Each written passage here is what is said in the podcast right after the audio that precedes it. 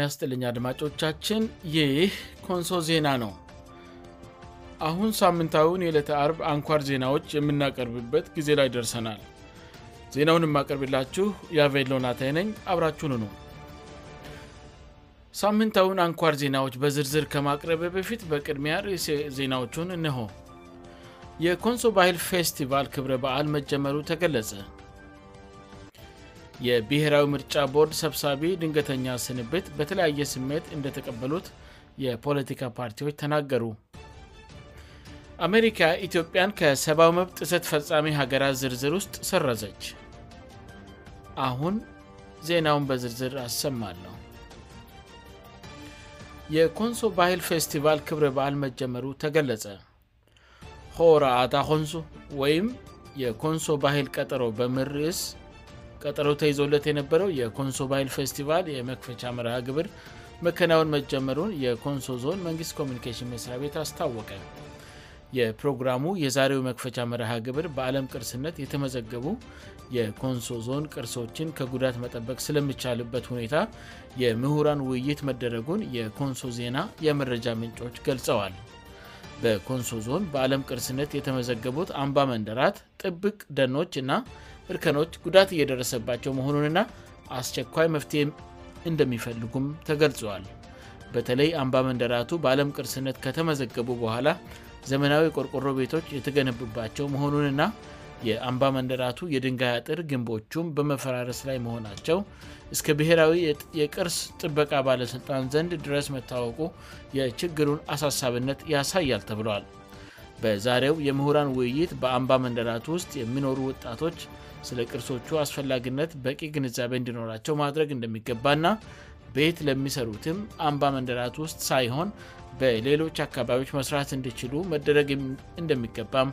በውይይቱ በመፍትሄነት ተነስቷል በዓሉን ለማድመቅ ሲባል ለዓመታት ከዩኔስኮ አደባባይ ተነስቶ የነበረው የዩኔስኮ አርማም ሰሞኑን በተደረገ ከፍተኛ ስራ ወደ አደባባዩ መመለሱና በተቻለ ሁኔታ አደባባዩ ላይ መቀመጡም ተገልጿል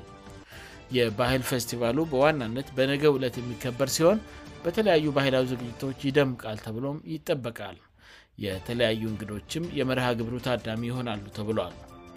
በዋናነት በነገ ለት የሚከበረው የኮንሶ ባህል ፌስቲቫል ወይም ሆራታ ኮንሶ በኮንሶ ዞን ቋሚ ዓመታዊ ባህል ፌስቲቫል ክብር በዓል ሆኖ በየአመቱ የሚከበር ነው ተብሏል የኮንሶ መልካ ምድርና ባህላዊ ሴቶች በዩነስኮ መዝገብ በዓለም ቅርስነት የተመዘገቡበትን ቀን ታሳቢ ያደረገ መሆኑም ተገልጿል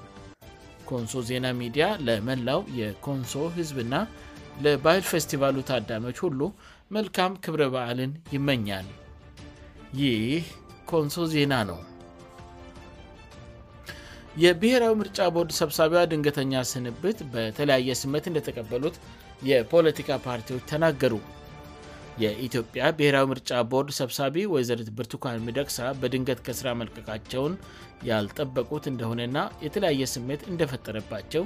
የተለያዩ የፖለቲካ ፓርቲዎች ተናገሩ በተለይ ሪፖርተር አስተያየታቸውን የሰጡ የፖለቲካ ፓርቲዎች አመራሮች የሰብሳቢዋ ከኃላፍነት መልቀቅ እይመሩት በነበረው የምርጫ ቦርድ ላይ ብቻ ሳይሆን ለመድብለ ፓርቲ ስርዓቱ የሚተርፍ ጉዳት ሊኖሩ እንደሚችል ተናግረዋል የቦሮ ዴሞክራሲያዊ ፓርቲ ሥራ አስፈጻሚ ኮሚቴ አባል ና የፖለቲካ ፓርቲዎች የጋራ ምክር ቤት ሰብሳቢ ዶር መብራቱ አለሙ የብርቱካን ከሥራ መልቀቅ ለብዙ ፓርቲዎች ያልጠበቅ ነውና ዱብዳ ነው የሆነብን ብለዋል የኢትዮጵያ ሶሻል ዲሞክራቲክ ፓርቲ ምክትል ሊቀመንበርና የፖለቲካ ፓርቲዎች የጋራ ምክር ቤት ጸሐፊ ዶር ራሄል ባፌ ምርጫ ቦርድ በሴት ሰብሳቢ በመመራት ሊያገኝ የሚችለውን ጠቀሜታ ቢአጣም ነገር ግን የግለሰቦች ከኃላፍነት መልቀቅ ከመድብለ ፓርቲው ጋር የሚገናኝ ተጽዕኖ አይኖረውም ብለዋል የኢትዮጵያ ህዝባዊ አብታዊ ፓርቲ ኢሃፓ ተቀዳሚ ሊቀመንበር መጋቤ ብሉይ አብርሃም ሃይማኖት በበኩላቸው ወይዘርት ብርቱካን ምርጫ ቦርድ ጠንካራ ተቋም እንደሆን መልፋታቸውን ተናግረዋል የእናት ፓርቲ አመራር የሆኑትና አሁን በረፍት ላይ እንደሚገኙ በመጥቀስ በግላቸው አስተያየት የሰጡት አቶ ጌትነት ግርማ በበኩላቸው ብርቱካን የአቋምና የሥራ ሰው መሆናቸውን አውቃለሁ ብለዋል በለውጡ ማግሥት በአሜሪካ ከቆዩበት የስደት ኑሮ በመመለስ ባለፉት አራት ዓመታት የምርጫ ቦርድ ሰብሳቢ ሆነው የሰሩት ወይዘሪት ብርቱካን ሰኞ ሰኔ 1 ቀን 2015 ዓም በይፋዊ የማኅበራዊ ገጻቸው በጤና ምክንያት ከሥራ ለመልቀቅ መገደዳቸውን ይፋ ማድረጋቸው ከፍተኛ መነጋገሪያ ሆነዋል የፖለቲካ ፓርቲዎች የጋራ ምክር ቤት ሰብሳቢ ዶር መብራቱ ወይዘርት ብርቱኳን የቦርድ አመራር ዘመን የተቃዋሚ ፓርቲዎች በጀትና ስራ ማስኬጃ በአግባቡ ሲሰጥ መቆየቱን ያወሳሉ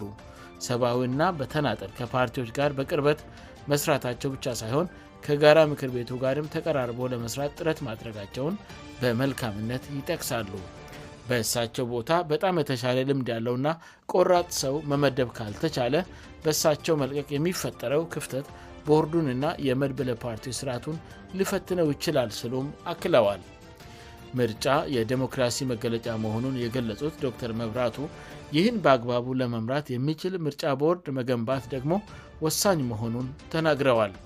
ወይዘሪ ትምርቱካን በዚህ ረገድ ቦርዱን ለማጠናከር ያደረጉትን ጥረት እንደሚያደንቁ በመጥቀስ በሳቸው ስንብት ሊፈጠር የሚችለውን ክፍተት እንደሚያሰጋቸው ጠቁመዋል የፖለቲካ ፓርቲዎች የጋራ ምክር ቤት ጸሐፊ ዶክተር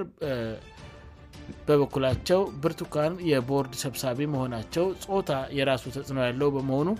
በአንድ ጎን በበጎ ይታያል ሴቶች ቻይእና ታጋሽ በመሆናቸው ግልጽነትና ቀጥተኝነት ያላቸው በመሆኑ እንዲሁም በለውጥ ፈላጊነታቸው የተነሳ የብርቱካን ወደ ቦርድ ኃላፍነት መምጣት ለዚህ ጠቃሚ ጎን ነበረው ብለዋል ይሁን እንጂ የግለሰቦችን ጉዳይ በቀጥታ ከመድብለብ ፓርቲ ሥርዓቱ ጋር ማያያዝ ጠቃሚ ያለመሆኑንም ገልጸዋል የቦርዱ ሰዎች በመቀየራቸው በመድብለብ ፓርቲ ሥርዓቱ ላይ የሚፈጠር ተጽዕኖ እንደሌለም አክለዋል የፓርቲዎችና የምርጫ አዋጅ ቁጥር 11-62 ላይ የፖለቲካ ፓርቲዎች የጋራ ምክር ቤት እንደሚቋቋም ቢጠቀስም ተቋቁሟል ተብሎ እንኳን ህጋዊ ሰውነት አልተሰጠውም በማለት ዶተር ራሄል ተናግረዋል ምርጫ ቦርድ ስወደስባቸው የቆዩ አንዳንድ ውሳኔዎችም ቢሆኑ ለአፍ ና ለፕሮፓጋንዳ ፍጆታ ካልሆነ በስተጋር በክልሎችና በወረዳ ደረጃ መድብለ ፓርቲው በተግባር ተተርጉሞ አላየንም ስሉም አስረድተዋል የኢሃፓ ተቀዳሚ ሊቀመንበር መጋበ ብሎ አብርሃም በበኩላቸው በአስቸጋሪና ፈታኝ ሁኔታዎች ወቅት ቦርዱን እየመሩ ነፃና ገለልተኛ ምርጫ ለማድረግ በግል ጥረት ያደረጉ ሰው እንደነበር ተናግረዋል የብርቱኳን ከምርጫ ቦርድ ሃላፍነት መልቀቅ ሰላማዊ የፖለቲካ ትግሉን ይጎደዋል ተስፋ አስቆራች ሁኔታ ውስጥ እንድንገባ እና ተጠራጣሪ እንድንሆንም ያደርጋል ለቀጣይ ምርጫ ለመዘጋጀት አንድ መነሻ ምክንያት የሚሆኑትን ጠንካራ የቦርድ አመራር ማጣት ለእኛ ያሳስበናል የእሳቸው ከላፍነት መልቀቅ ውስጣዊ ጫና ሊኖረው እንደምችልም እንጠራጠራለን ብለዋል ማንተካቸዋል የሚለውም ስጋት ሆኖብናል በማለትም መጋበብሉ አብርሃም ተናግረዋል በግል አስተያየታቸውን የሰጡት አቶ ጌትነት ግርማ በበኩላቸው ብርትኳን በምርጫ ቦርድ ውስጥ ጠንካራ ሠራተኞችን በማዋቀር ጠንካራ የሥራ መንፈስ ለማምጣት ጥረት ማድረጋቸውን ለእኛ በሚሰጡን አገልግሎት ማረጋገጥ እችላለሁ ብለዋል አቶ ጌትነት መላእክት እንኳን ለቦርዱ ሾሙ ተቋሙ አይቀየርም መንግሥት እስካልፈቀደ ድረስ ቦርዱ ምንም ልቀየር አይችልም ይላሉ ወይዘሪት ብርትኳን ሚደቅሳ ግን በዚህ ሁኔታ ውስጥም ሆነው ቦርዱ ለውጥ እንዲያመጣ ጥረት ማድረጋቸውን ያስረዳሉ